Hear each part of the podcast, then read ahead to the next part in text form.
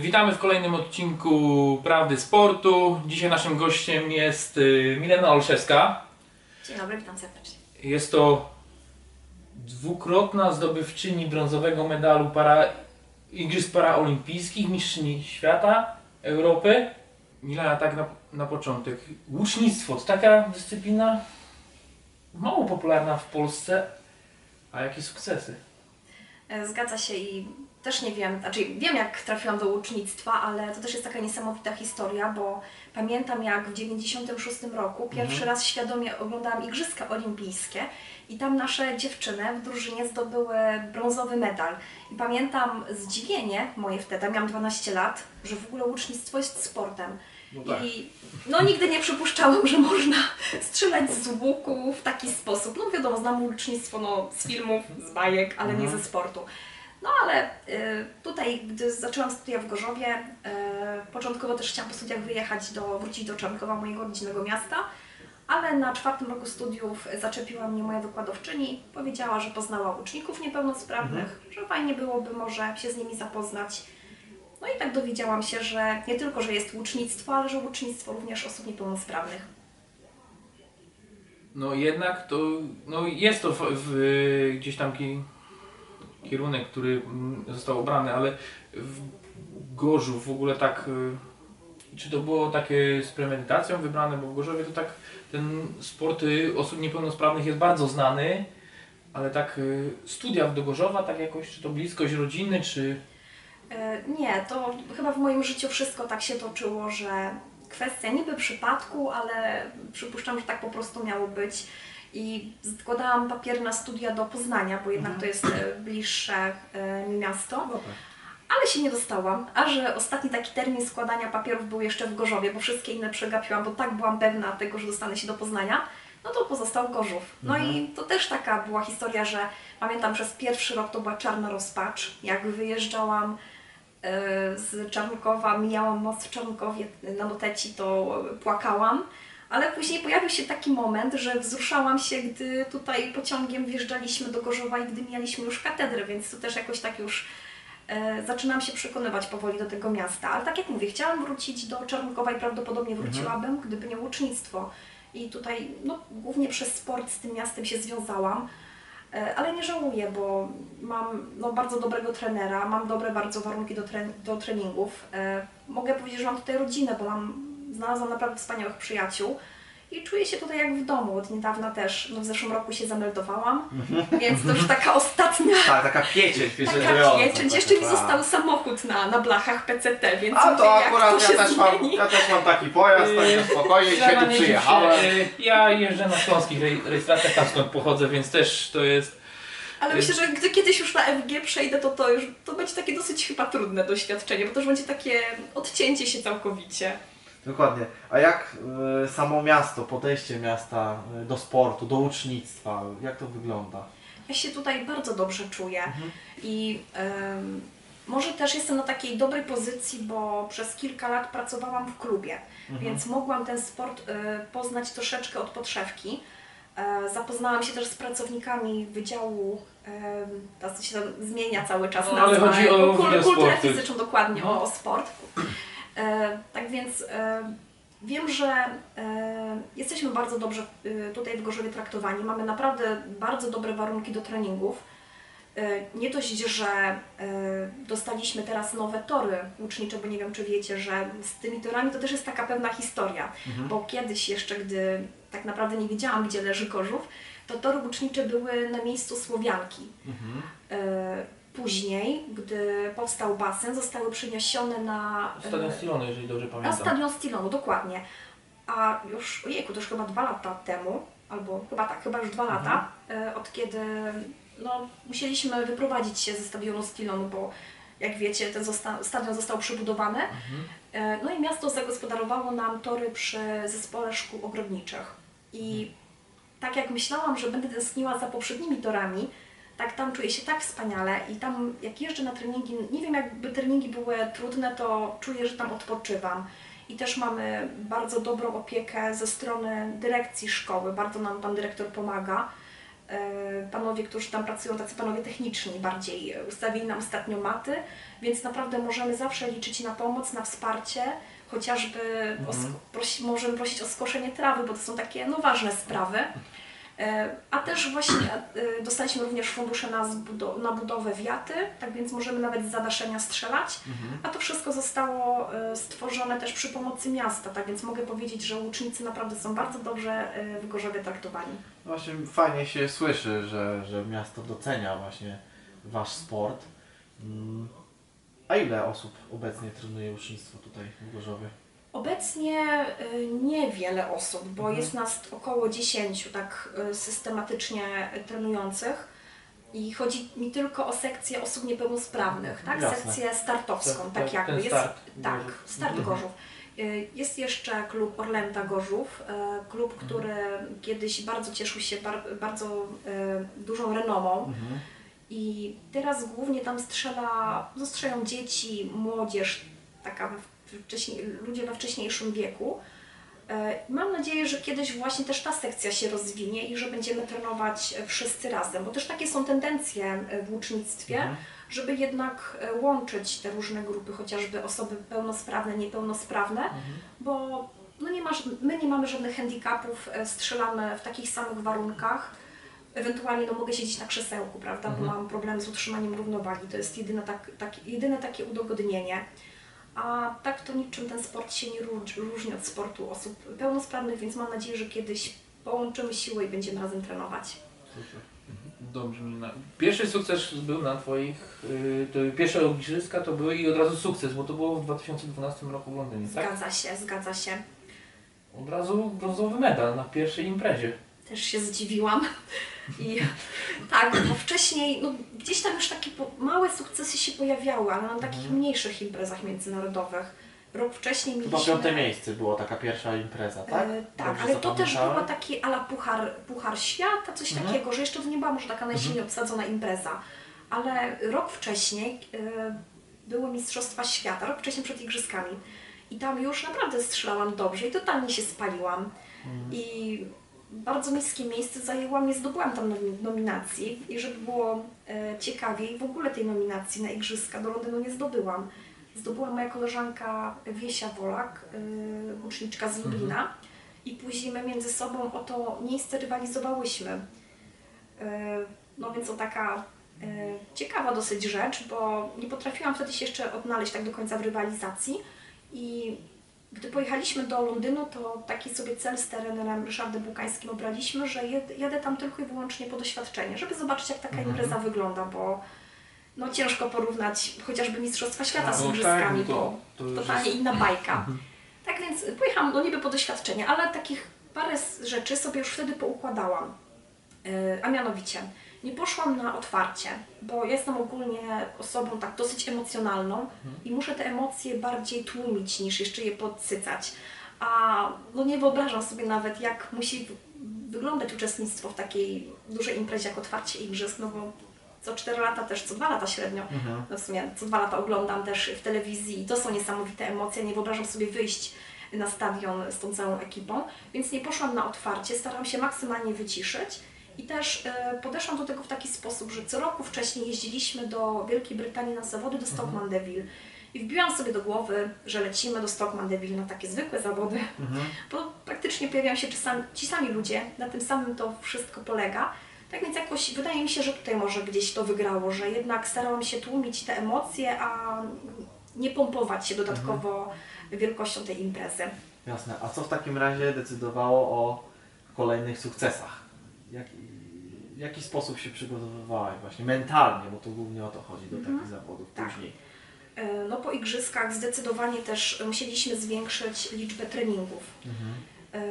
E, Rok jeszcze później pracowałam, ale e, po kolejnym takim sukcesie po Mistrzostwach Świata, które były w 2013 roku w Bangkoku, gdzie też zdobyłam medal indywidualnie i w mikście. Złoto E, chyba z Miksie Tak, w mikście złoto, dokładnie, a tradycyjnie brą- brąz indywidualnie.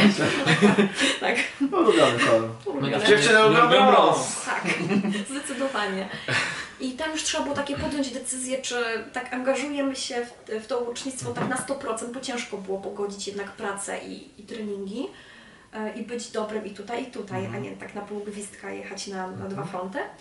E, Odeszłam z pracy z, y, i myślę, że to też było ważne, że jednak nie zaczęłam chodzić na treningi po pracy, na zmęczeniu, tylko no, wypoczęta w porannych godzinach. I wtedy tak naprawdę poziom mój dosyć mocno poszedł do góry. Mhm.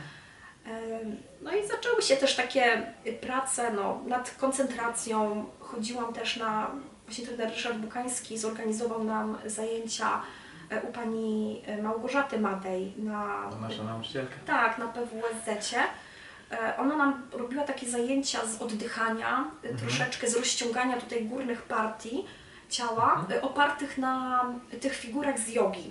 O, Tak, dokładnie, bo tam jest dużo takich rozciągających Mhm, ćwiczeń mhm. i wydaje mi się, że te, te zajęcia mi bardzo pomogły, bo one dały mi taką bazę do pracy na treningach i pamiętam, że nieraz takie momenty oddechowe, pracy nad oddechem wykorzystywałam również na zawodach. no bo fakt to jest, ja nie jestem jakiś specjalistą od łucznictwa, ale no chyba to oddychanie, praca z oddechem jest kluczowa, bo, bo bardzo istotna właśnie w samym strzelaniu, nie? w procesie strzelania. Bardzo ważna i Mhm. właśnie tak, musi to się stać tak jak najbardziej naturalne, nie? żeby właśnie nie było jakiegoś sztucznego wstrzymywania oddechu czy przyspieszania. I nad tą naturalnością tak też pracowaliśmy. Bo ja na przykład y, nigdy nie oglądałem zawodów, to się przyznam łucznictwa, natomiast oglądałem często zawody biatlonowe. Mhm. No i tam też strzelają. Właśnie zwróciłem uwagę, że zawsze było takich trzy, głęb, trzy głębokie wdechy przy, przy, przed rozpoczęciem strzelania, no i potem ten praktycznie nie oddychał. Łapał tylko oddech w momencie przerwy, tak? Pomiędzy jednym a kolejnym strzałem. Tu jest podobnie? Y, Może troszeczkę inaczej, bo Mhm. tak naprawdę y, nawet tak do końca nie jestem świadoma chyba tego, jak oddycham, czy wstrzymuję oddech, czy Naturalnie nie. to wychodzi, tak? Wychodzi to naturalnie. Kiedyś nawet pamiętam, kolega na treningu zapytał mnie, jak układam lewą rękę. Mhm. I też robię to naturalnie. I jak on mnie o to zapytał i zaczęłam nad tym myśleć, to w ogóle nie umiałam jej ustawić, nie? Więc tak samo jest chyba z oddychaniem. Tam no, w biatlonie podziwiam naprawdę biatlonistów, bo tam jest niesamowity wysiłek, Tak ten jest. bieg. Mhm. I później to wyciszyć i oddać precyzyjny strzał, to naprawdę szacunek. U nas no jednak my sobie spokojnie stoimy, siedzimy, nie ma tego wysiłku. E, Tak więc wydaje mi chyba nie wstrzymuje oddech. To myślę, że to jest takie, może w tym momencie, kiedy ten oddech, może na lekkim wydechu właśnie przygotowuje się Mhm. do strzału, jest takie zatrzymanie już w samym momencie oddania. Tak mi się wydaje, przynajmniej nie wiem. Sprawdzę jutro. Chyba trzeba będzie nagrać film właśnie w momencie oddawania strzału y, Spróbować. przepony tak właśnie y, nagrywanie, y, ale y, ja dalej sobie, ja to widziałem gdzieś tam w telewizji, te zawody gdzieś tam z ucznictwa, ale jak to jaka jest odległość w ogóle, no jest tor, pani sta- staje, strzelasz. Nie mów pani, bo Milena się obrazi. Tak, wiem, przepraszam. Obrażę, się dopiero za drugim razem. Dobrze, okej, już nie będę. I masz już jest, jaka jest odległość w ogóle tego, bo w telewizji to nie jest tak pokazane, bo zawsze w telewizji to jest tylko Of, e, łucznik tak. i potem już I jest, tarcza. i jest tarcza. I jaka to jest odległość? Bo te zawody no muszą mieć, chyba to jest standard, że to jest jedna odległość, czy to jest jakaś nie klasyfikacja, że do, bliżej dalej się strzela, czy to jest tylko jedno, czy to... E, To wygląda następująco. Są dwa ogólnie rodzaje łuków. Są łuki klasyczne, to są łuki, z, y, łuk, z którego ja strzelam i łuk bloczkowy. Mhm. Ten łuk troszeczkę inaczej pracuje, jest bardziej też precyzyjny. W związku z tym łucznicy bloczkowi strzelają z 50 metrów, Mhm. a łucznicy klasyczni do takiej dużej tarczy z 70 metrów. Okej. I do 70 metrów to jest taka nasza no, y, odległość olimpijska. Y, bo y, na Igrzyskach Olimpijskich startują jedynie łuki klasyczne. Mhm. Y, w Pekinie po raz pierwszy w 2008 roku wystartowały łuki bloczkowe na Igrzyskach Paralimpijskich. No i jednak mamy nadzieję, że to łucznictwo na Igrzyskach Olimpijskich również się rozwinie, rozrośnie i łuki bloczkowe Mhm. zostaną e, wprowadzone. Więc dla nas kluczową odległością jest 70 metrów i praktycznie odeszło się już od strzelania innych e, odległości. Kiedyś na Mistrzostwach Świata strzelało się tak zwaną fitę, czyli łączyło się kilka odległości. U mężczyzn było to 90, 70, 50, 30 metrów, Mhm. u kobiet 70, 60, 50, 30. I tak powolutku schodziliśmy z odległości i, i łapaliśmy te punkty. A teraz już tylko i wyłącznie 70 metrów. Na pewno lepiej się przygotować do takich zawodów, gdzie jest określona jedna odległość niż taka, taka zmienność następuje, prawda? Tak, i ja właśnie bardzo lubię y, 70 metrów. Wręcz męczę się zazwyczaj na bliższych odległościach i są czasami takie sytuacje na zawodach, gdzie strzelamy tą fitę tutaj w Polsce, gdzie zaliczam ten tak zwany klub seniora, tak u nas się śmiejemy, czyli że wyższy wynik mam na dłuższej odległości, a, krótszy, a niższy jednak na tych krótszych, co tak Mhm. troszeczkę, no nie powinno tak może być, ale no jednak łatwiej mi jest się ułożyć na dłuższe odległości. No ale no, myślę, że z korzyścią dla mnie. Jasne. Milena, jako sportowiec, y, reprezentujesz y, dyscyplinę, no, jesteś, no, gdzie kto każdy może, bo tak jak mówiłeś, że dążycie do tego, żeby jakby jedne zawody były między osobami niepełnosprawnymi a pełnosprawnymi. A ty jako osoba niepełnosprawna, jak widzisz, ro, roz, odkąd jesteś, rozwój, czy to się zmienia, bo co olimpiada, słyszymy różne głosy różnych osób, że y, dlaczego dzielimy sport olimpijski osób pełnosprawnych na, na, na niepełnosprawnych, jeżeli chodzi o nawet podział nagród, y, ten rozwój taki medialny, pomoc sponsorów, jest jednak, jest różnica między pełnosprawnymi a niepełnosprawnymi, czy to się zmienia, czy to dalej stoi tak jak się to słyszy, że to jest jakiś taki dalej, że tak mniej wam płacą, czy to, że mniej sponsorów jest y, poprzez związek, czy to się już zmieniło tak, że to już mo można powiedzieć, że to idzie w takim kierunku, że jesteście traktowani jako osoby pełnosprawne, bo no nie ma co ukrywać, no reprezentujecie nasz kraj i przynosicie takie same uśmiechy u kibiców jak y, ludzi, którzy są pełnosprawni i też nas sławicie, tylko wiadomo, no jednak ten sport niepełnosprawny pó późno wszedł i też się to jakoś Yy, zmieniało. Tak, i ja widzę naprawdę bardzo duży postęp, bo no, aż może wstyd się przyznać, ale zaczęłam strzelać w 2007 roku. Pierwsze moje takie świadome Igrzyska Paralimpijskie, które śledziłam, to był Pekin w 2008 i wtedy się dopiero dowiedziałam, że istnieje coś takiego jak Igrzyska Paralimpijskie. Że nawet nie miałam sama takiej świadomości. E, Dopiero gdy spotkałam się z tym sportem, to, to zostało to uświadomione. No i później był Londyn, gdzie właśnie Brytyjczycy bardzo podciągnęli ten sport niepełnosprawnych, bo te igrzyska w Londynie zostały niesamowicie zorganizowane. Tam na trybuny przychodziły tłumy ludzi. E, Ludzie, też kibice byli zapoznani z sylwetkami osób, sportowców niepełnosprawnych. Wydaje mi się, że oni wyznaczyli taki trend. I my powolutku, e, ja jestem tak ogólnie optymistką raczej i widzę, że to naprawdę zaczyna się e, powolutku zmieniać. Wiadomo, że potrzeba czasu i nawet zmiany y, myślenia y, u niektórych osób i docenienia też również tego sportu, ale przede wszystkim e, ważna jest promocja, bo jednak bardzo wiele osób nadal nie wie, że istnieje coś takiego jak sport y, paraolimpijski. Ale ja naprawdę jestem bardzo dobrej myśli i nawet jeżeli chodzi o nagrody, to te nagrody zostały zró- zrównane, bo wiadomo, że za medale igrzysk olimpijskich Mhm. nadal są o wiele wyższe nagrody, Mhm. bo tam dochodzi jeszcze kwota wypłacana przez sponsorów. Ale to, co dostajemy od ministerstwa, to są tak naprawdę równe pieniądze, więc super. e, tak, naprawdę e, jesteśmy bardzo dobrze traktowani, a wiadomo, że e, trzeba najpierw e, też wypracować sobie jakąś pozycję, żeby ci sponsorzy też e, zaczęli lgnąć dokładnie do tą- sportowców niepełnosprawnych, bo y, no, sami wiemy, że od dopiero od jakiegoś czasu jesteśmy tak y, mocno widoczni, więc myślę, że i to się też zmieni. Chociaż już nie powiem, że coraz więcej y, sponsorów się y, pojawia i nawet y, wszyscy medaliści igrzysk z Rio za y, każdy, czyli za obojętnie który medal, y, dostaliśmy również stypendia z Orlenu na 4 lata.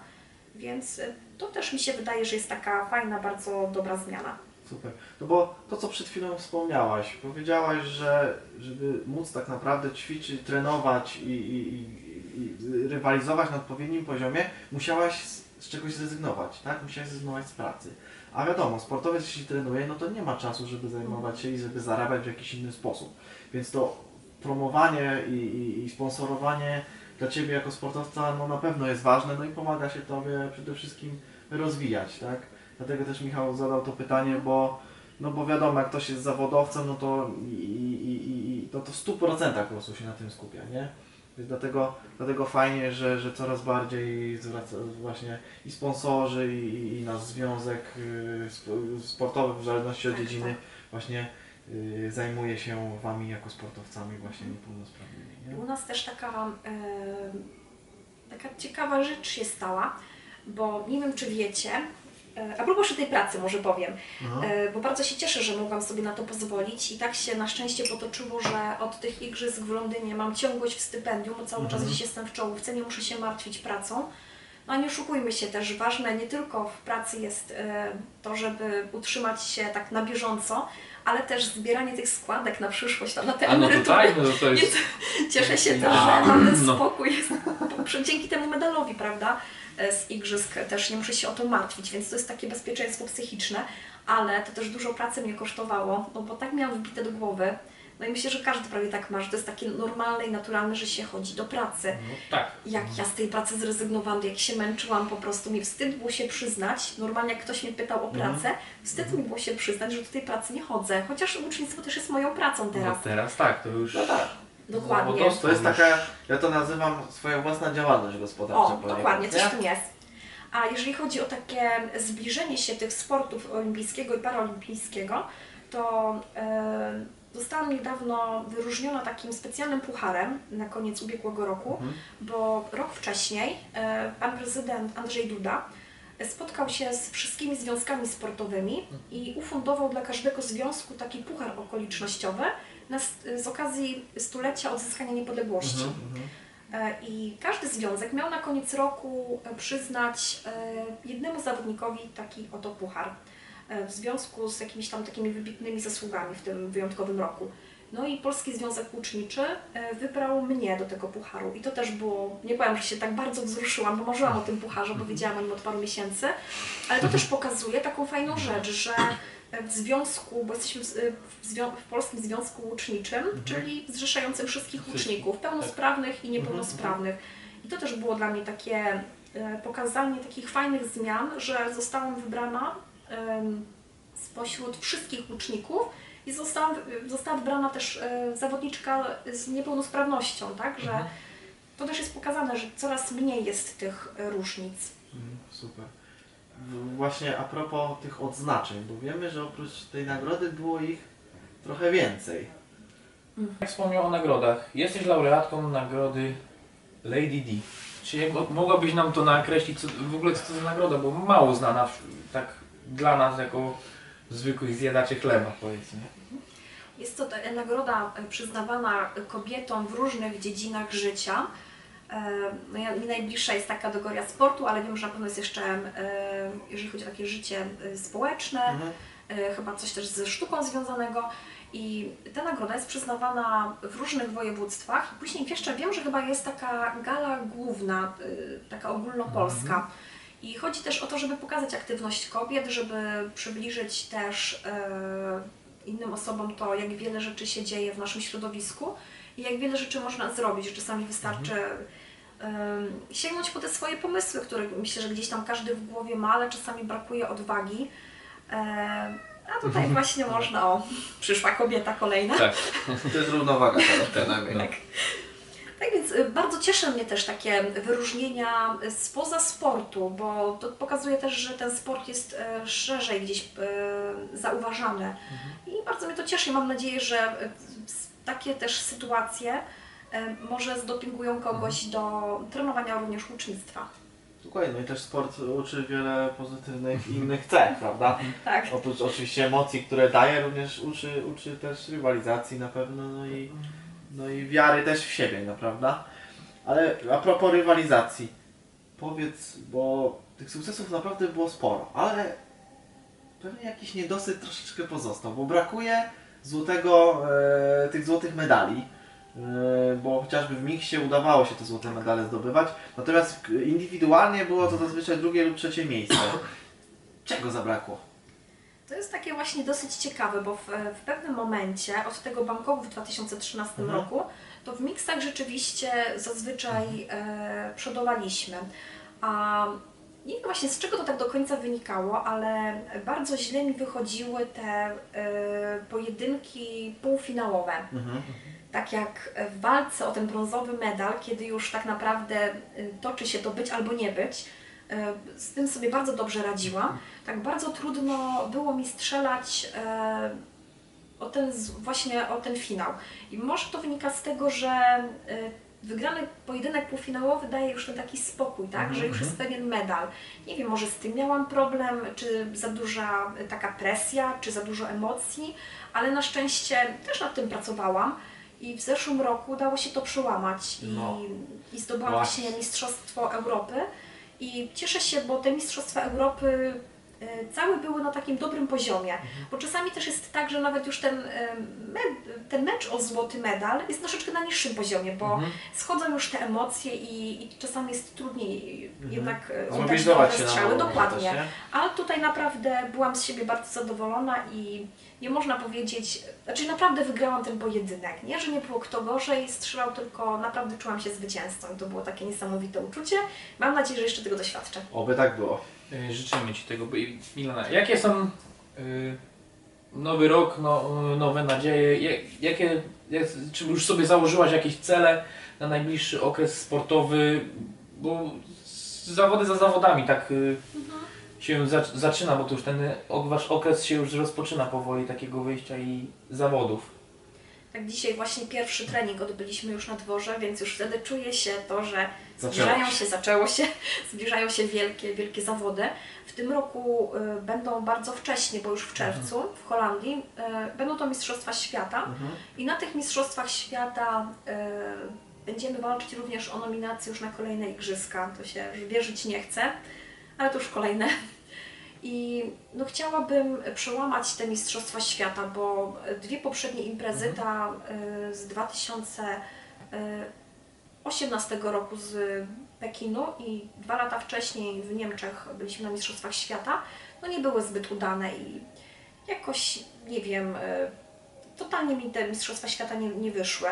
Y, I chciałabym w końcu to przełamać, czyli jednak y, tak się profesjonalnie przygotować do tego startu, żeby już niczego nie zabrakło i żebym mogła tylko zaprezentować to, co, to, co umiem, tą pracę.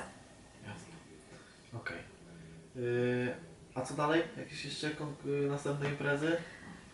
Są jakieś takie, nie wiem, bo na przykład, nie wiem, w tenisie są cztery imprezy główne plus imprezy dodatkowe, Mhm. tak? Tutaj też jest impreza główna Mistrzostwa Świata. Czy są jakieś takie turnieje pośrednie, albo jakaś taka właśnie coś na zasadzie Ligi Mistrzów, czy jakieś turnieje? Jak to wygląda?